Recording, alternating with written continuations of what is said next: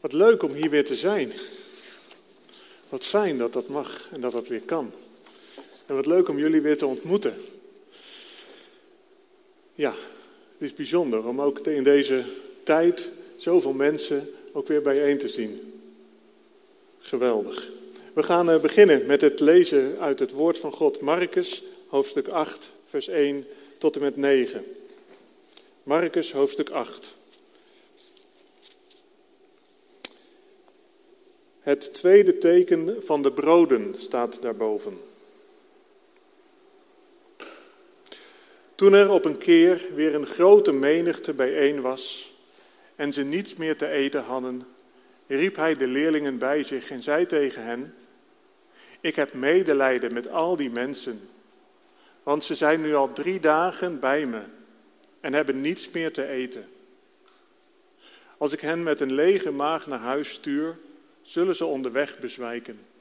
Sommigen zijn immers van ver gekomen. Zijn leerlingen antwoordden, maar hoe zou iemand hen hier in deze verlatenheid van genoeg brood kunnen voorzien? Hij vroeg hen, hoeveel broden hebben jullie?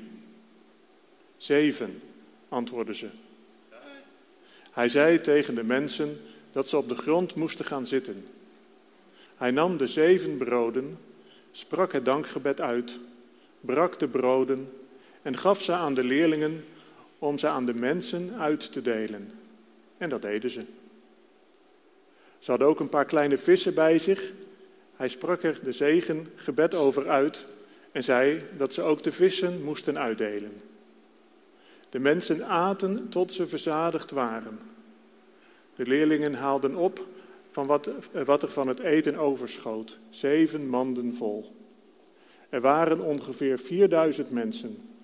En toen stuurde hij hen weg. En tot zover de schriftlezing. Ja, dit is het eh, andere verhaal, staat er ook bij, hè? de tweede teken van de broden. Het andere verhaal van de vijf broden en de twee vissen, dat is misschien wellicht beter bekend. Maar Jezus heeft dus twee keer uh, zo'n menigte van eten voorzien. En even later wordt er in ditzelfde hoofdstuk ook aan gerefereerd. En uh, toen was er wat gemor onder de uh, leerlingen van uh, waar halen we nu weer eten vandaan. En dan zegt Jezus ook, maar begrijpen jullie dan niet wat ik gedaan heb? Begrijpen jullie het dan nog niet, zegt hij tegen de discipelen. En dat, dan doelt hij op het aantal manden wat er over was. Het aantal manden wat Jezus meer dan overvloedig gegeven had aan de menigte.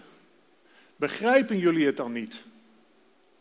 Nou, daar gaan we het vanochtend over hebben.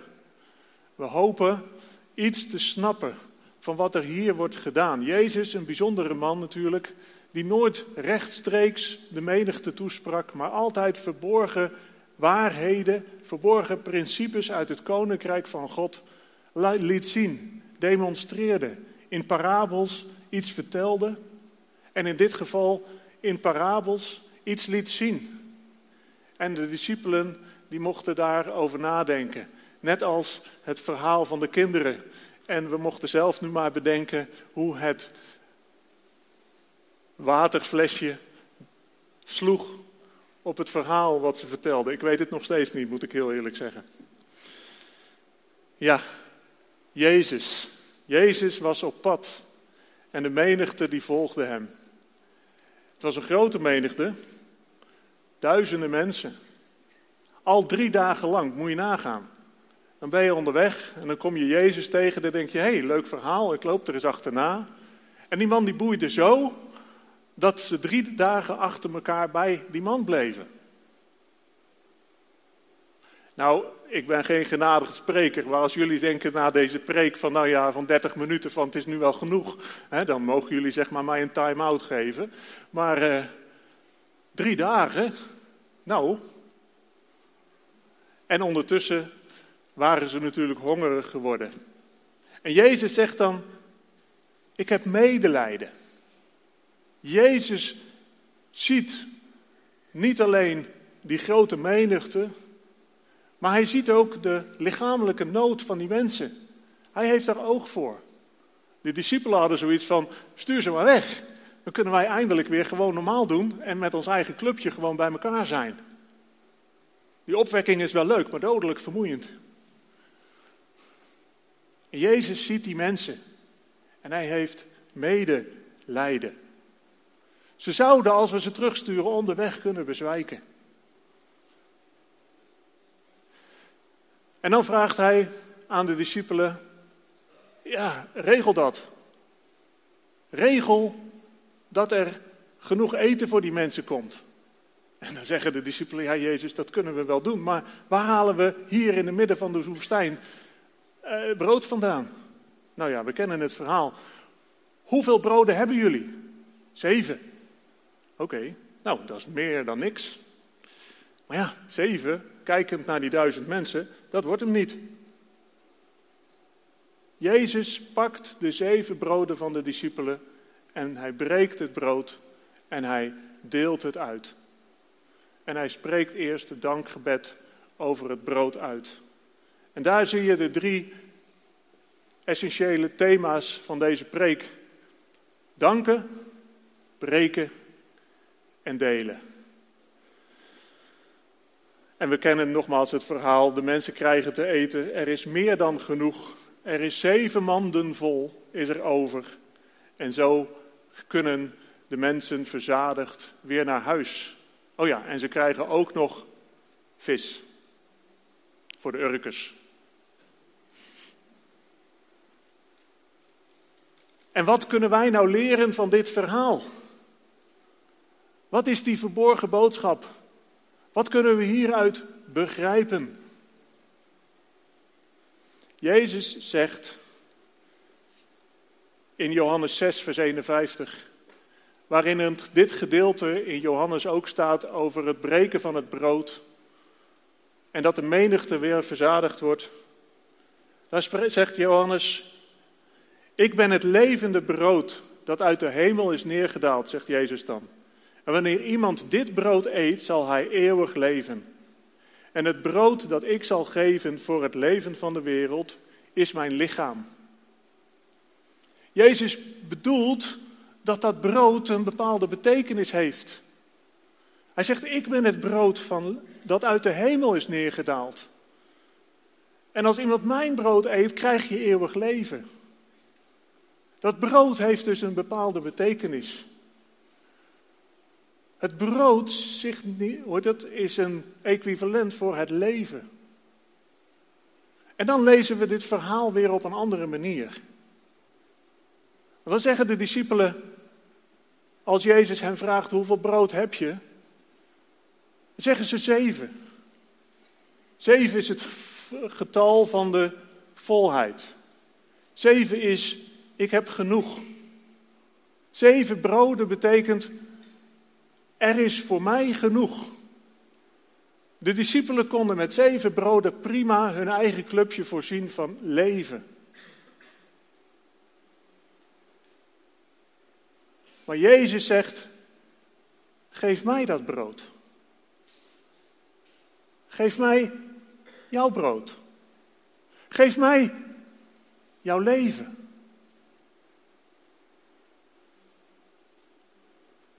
En dat is natuurlijk wat we willen doen. We hebben daar in het filmpje iets van gezien. Van die mevrouw van die Alpha-cursus. Die zei, ik, ik stond met mijn rug naar het geloof toe. Maar ik heb mij omgekeerd. En ik ben weer op weg gegaan met Jezus. En ik heb mijn leven weer in zijn handen gelegd. En ik heb weer me gerealiseerd dat ik mijn eigen leven niet kan leven. Ik wil mijn leven in zijn handen leggen.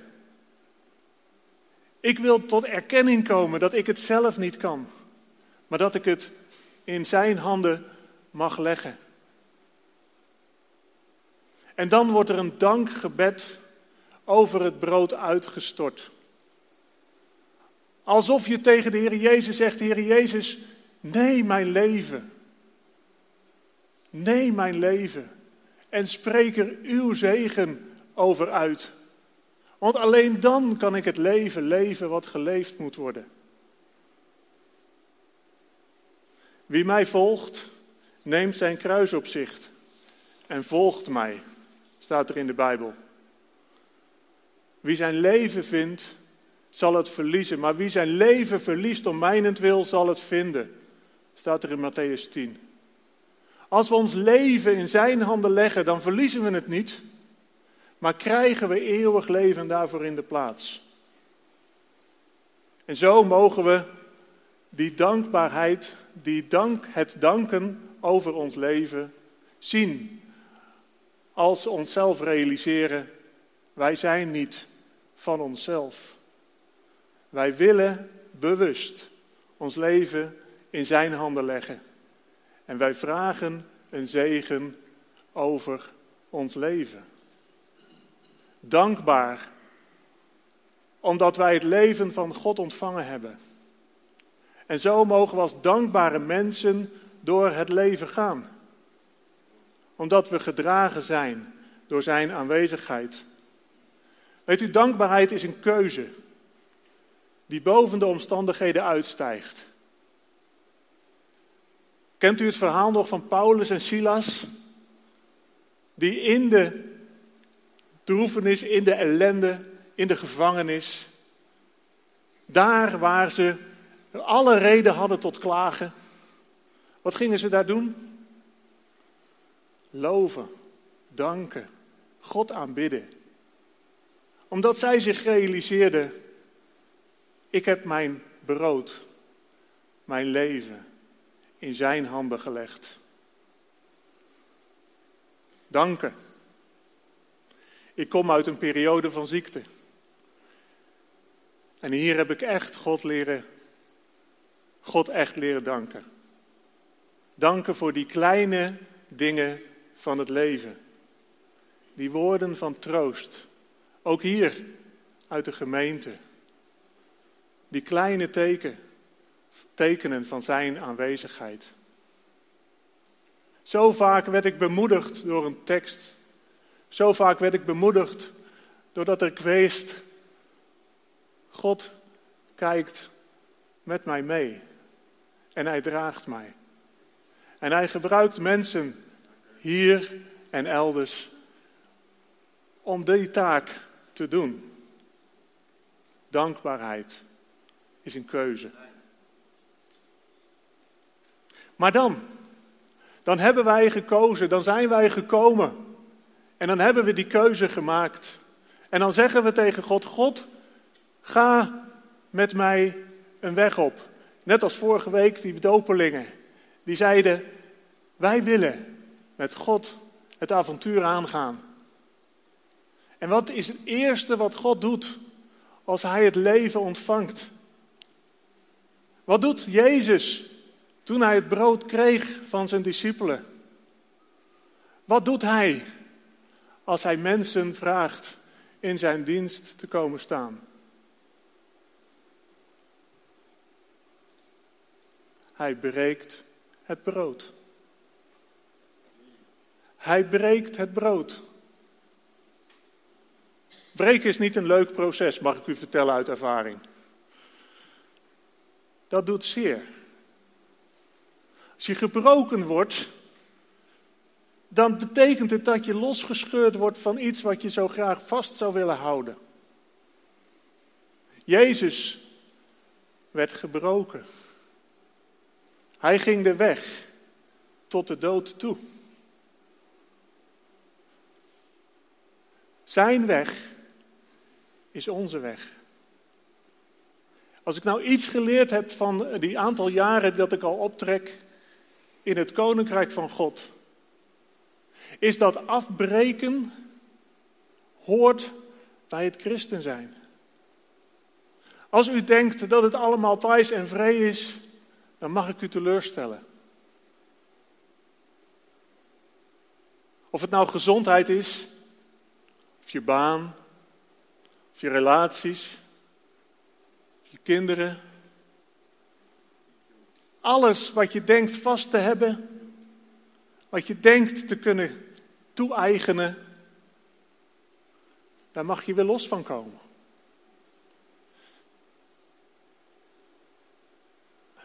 En dat proces, Dat proces van losmaken, dat gebruikt Jezus. Dat is niet omdat hij ons niet lief vindt. Dat is niet omdat er geen alternatief is, want we leven nu eenmaal in een zondige wereld. Dat is omdat hij ons lief heeft. En hij ons echt voor zichzelf wil hebben. U, jou en mij. En hij is jaloers. God is een jaloers God. Hij duldt geen andere goden in zijn nabijheid. En als wij hem toestaan om, om hem zijn gang te laten gaan, dan gaat hij jou en mij steen voor steen afbreken. Ik weet wat je meegemaakt hebt. In zijn koninkrijk staan doet zeer. En die twijfel van gaan we nog wel door? Zie ik het nog wel zitten? Die herken ik. Ik had een vriend op een school. En die zei: Pim, zoals jij praat over dat evangelie en jouw christen zijn. Hij zegt: Ik heb het ook geprobeerd, maar sorry, het werkt niet voor mij. Ik, ik doe het niet meer. Wat hij bedoelde te zeggen is: Het kostte mij te veel. Want ik ga er zelf aan. Ik zeg: Ja, jongen, dat klopt. Maar dat is de weg. Ik weet niet wat jou voorgespiegeld is, maar dat is de weg. De echte weg van christen zijn betekent alles loslaten. Maar God is niet een God die afpakt. God is een God die wacht totdat je het geeft. Breken, dat kan diep gaan. We vinden het niet altijd leuk. We vinden de andere facetten veel leuker.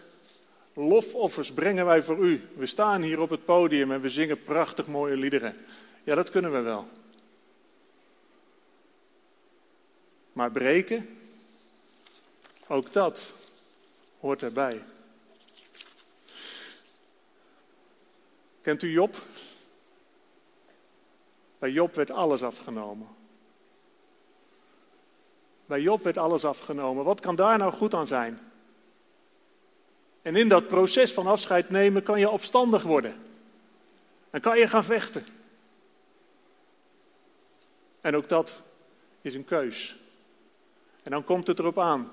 Blijven we geloven? Ik had een vriend, een andere vriend, in, uh, op mijn werk. Die kreeg kanker. Ik kon daar een woordje over meepraten. En hij keek naar mij, hij zei: Pim, ben jij nooit opstandig? Ik zei: Nee, niet over dit. Wel over andere zaken, maar niet over dit. Hij zei: Hoe komt dat? Ik zei: Dat weet ik niet, dat is een gave. Dat is iets wat mij aangedaan is. Ik kan daar geen, geen uh, niet trots op zijn. Hij zei: ik, zou dat ik, ik wou dat ik dat ook kon zijn. Want ik worstel zo met het beeld wat ik had van God die goed was. Ik zei, ja, maar dat herken ik wel. Die goede herder. Die toch brandende pijlen op je hart afschiet. Die dat toelaat. Dat het zeer mag doen. Dat herken ik wel. En hij kreeg tranen in zijn ogen. Hij zei, oh wat fijn. Fijn om te horen We zijn mensen met elkaar. En in die worsteling, in die strijd, mogen we eerlijk zijn. En onze zondagse pak uitdoen en de echte werkelijke ik laten zien aan de ander. Dat is discipelschap. Dat is echtheid. Dat is wat de wereld wil zien. Echte mensen die worstelen met het gebrokenheid van de schepping. Met de gebrokenheid en het verdriet van het los moeten laten. De tranen die er komen, laten die er zijn. Waarom? Omdat dat deel is van discipelschap. Die hoeven we niet weg te doen. Dat mag er zijn. Want dan en alleen dan zijn we klaar om te gaan delen. En dan mag het brood wat gebroken is tot voeding zijn van de ander. En door dat proces van breken heen mag Gods geest aanwezig worden in ons leven. En mogen we die fontein zijn, zoals de naam hier al zegt. Een fontein van levend water. En dan kom je erachter dat de mensen trouw blijven. Als je zelf door een dal gegaan bent. En dan mag je zien dat er vrucht is. Ondanks jouw aanwezigheid. Of afwezigheid. Want het is niet ons werk, toch? Het is Gods werk. Gods werk is mensen voeden. En wij mogen ons leven in zijn handen leggen. Om op die manier beschikbaar te zijn in zijn leven. In, in het koninkrijk van God. Openstaan voor de ander. Ik heb in die coronatijd ook iets gedaan. We hebben dan geen Nederlands zoekt, maar we hebben Kairos, volle zoekt, hoe je het ook maar mag noemen. Klein groepje. Het groepje werd steeds kleiner, want ja, die coronamaatregelen werden steeds strenger. En mijn hartsverlangen was om het evangelie te delen met anderen. En tegelijkertijd realiseerden we ons, als we het concept van Nederland zoekt goed begrijpen, dan gaat het in de eerste plaats om relatie. Dan gaat het om je leven delen. En dat is inclusief. Dat is niet op gezette tijden, maar dat is altijd en overal. En in een coronatijd is dat best lastig. Ons groepje begon, bestond eerst uit vier gezinnen, toen vijf. En met al die kinderen erbij was dat best een grote groep. En toen zeiden we, we moeten eigenlijk splitsen, want het wordt te groot.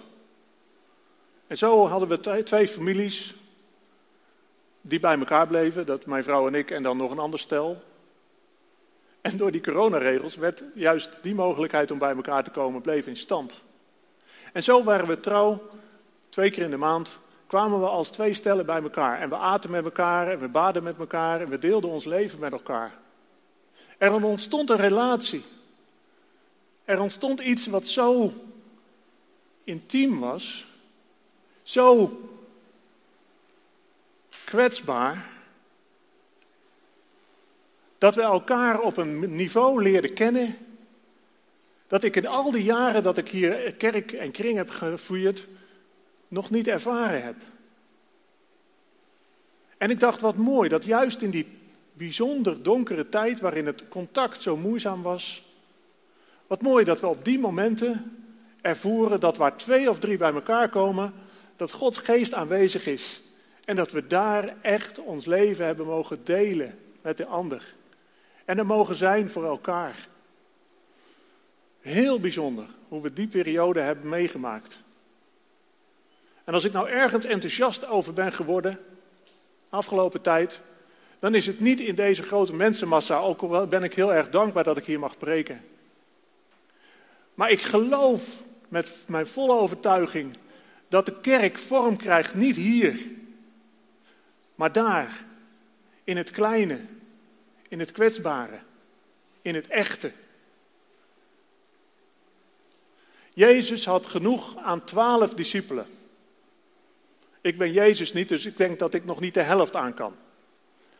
Kleine gemeenschap, een klein groepje mensen, waar je je leven werkelijk mee kan delen. Dat is volgens mij wat werkt. In ieder geval voor mij de afgelopen tijd. En ik geniet daar enorm van. En je ziet, als in de ondergrondse kerk van China, op het moment dat het weer kon, dat we weer bij elkaar mochten komen, daar een groepje, daar een groepje, de Alpha-cursus, die ook weer mensen naar ons toegetrokken heeft. En we kwamen bij elkaar in een grote groep en we hadden het geweldig goed. Maar vervolgens gaan we weer uit elkaar in die kleine kringetjes genieten. Transparant je leven delen. Start in het klein. Dat hoeft niet alleen voor ons te zijn, dat mag ook voor u. Als u nou zegt van ik wil ook mijn leven delen, wees dan ook bereid om door dat proces van breken heen te gaan. Maar dan ontstaat er een, een, een relatie. Niet alleen met de ander, maar ook met God.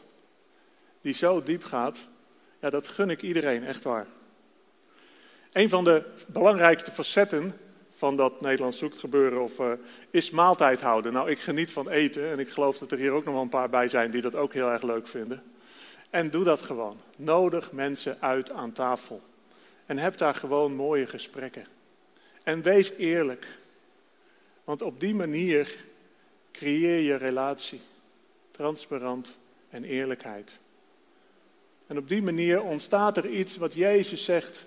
Als je met mij op, op zoek gaat, dan mag je elkaar liefhebben. Er werd net gesproken over het hoge priestelijk gebed. En de kern daarvan is, ik ken mijn vader. En laat de liefde die ik heb ook het beeld zijn van de mensen die mij volgen. Laat die liefde heersen onder hen. Dat is maaltijd houden met elkaar. Het brood breken. En op die manier de cirkel groter maken. Zeven broden en een paar visjes. We hebben geleerd dat het breken van het brood iets inhoudt voor ons persoonlijk. Wij zijn dat brood wat gebroken mag worden. Hebt u uw leven al in de handen van Jezus gelegd? Heeft Hij zijn dankgebed al over jouw leven uitgesproken? Heeft Hij zijn zegen al aan jou verbonden? En ga je op weg met Hem, je realiserend dat je afgebroken wordt, dat je door dalen heen mag gaan. Laura Story had daar een mooi lied over geschreven, Blessings. En daar stond een tekst in, ik moet hem even opzoeken, want dan zeg ik het natuurlijk niet goed.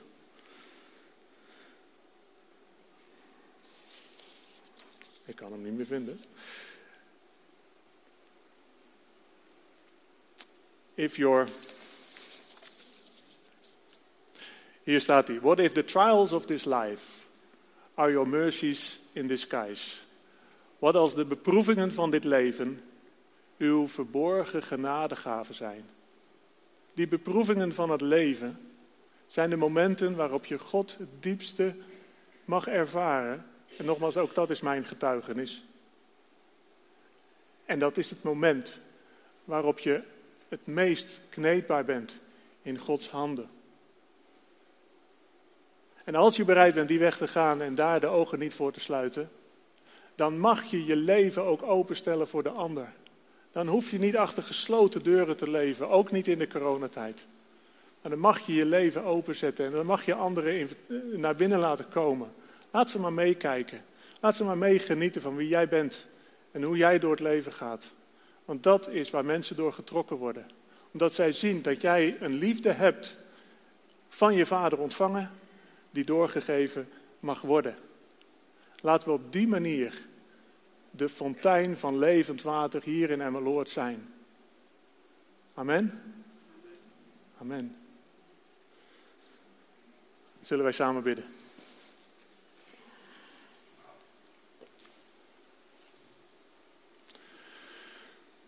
Heere God, dank u wel dat u een God bent die ons getrokken heeft uit de duisternis naar het licht.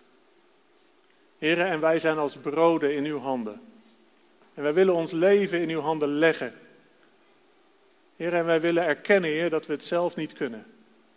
Maar we willen uw zegen over ons leven vragen. Elke dag weer. Heer, en we willen erkennen, Heer, dat we soms het weer zelf willen doen. Maar ook nu, Heer, willen we dat weer loslaten. Heer, en er zijn zoveel processen in ons leven waar we soms moeite ervaren en strijd. En als we eerlijk zijn, Heer, dan kan het soms betekenen omdat we ook daarin dingen vast willen houden. Leer ons, Heer, om met open handen het leven wat ons gegeven is te aanvaarden. En leer ons vertrouwen, heren, dat u niet loslaat het werk wat u begonnen bent te doen. En leer ons, Heer, dat die tranen misschien wel de momenten zijn waarop u het dichtst bij ons staat. En het, hart met, het hardst met ons bezig bent. Zodat we in staat zijn, heren, om uw liefde nog beter door te geven naar die ander. En nog, heren, wat is er veel leed en wat is er veel nood. Wat is er veel eenzaamheid. Wat is er veel afwezigheid van uw liefde. En wat kunnen wij veel betekenen voor de mensen om ons heen. Open onze ogen en onze harten, zodat mensen daarin iets van uw liefde mogen zien. Leer ons, Heer, om getuigen van u te zijn. Met name door het leven wat u ons gegeven hebt te delen met anderen. En maak, Heer, dat we dat mogen doen. Niet uit eigen kracht of eigen inzicht, maar gaand onder uw zegen. Dat vraag ik u in Jezus' naam. Amen.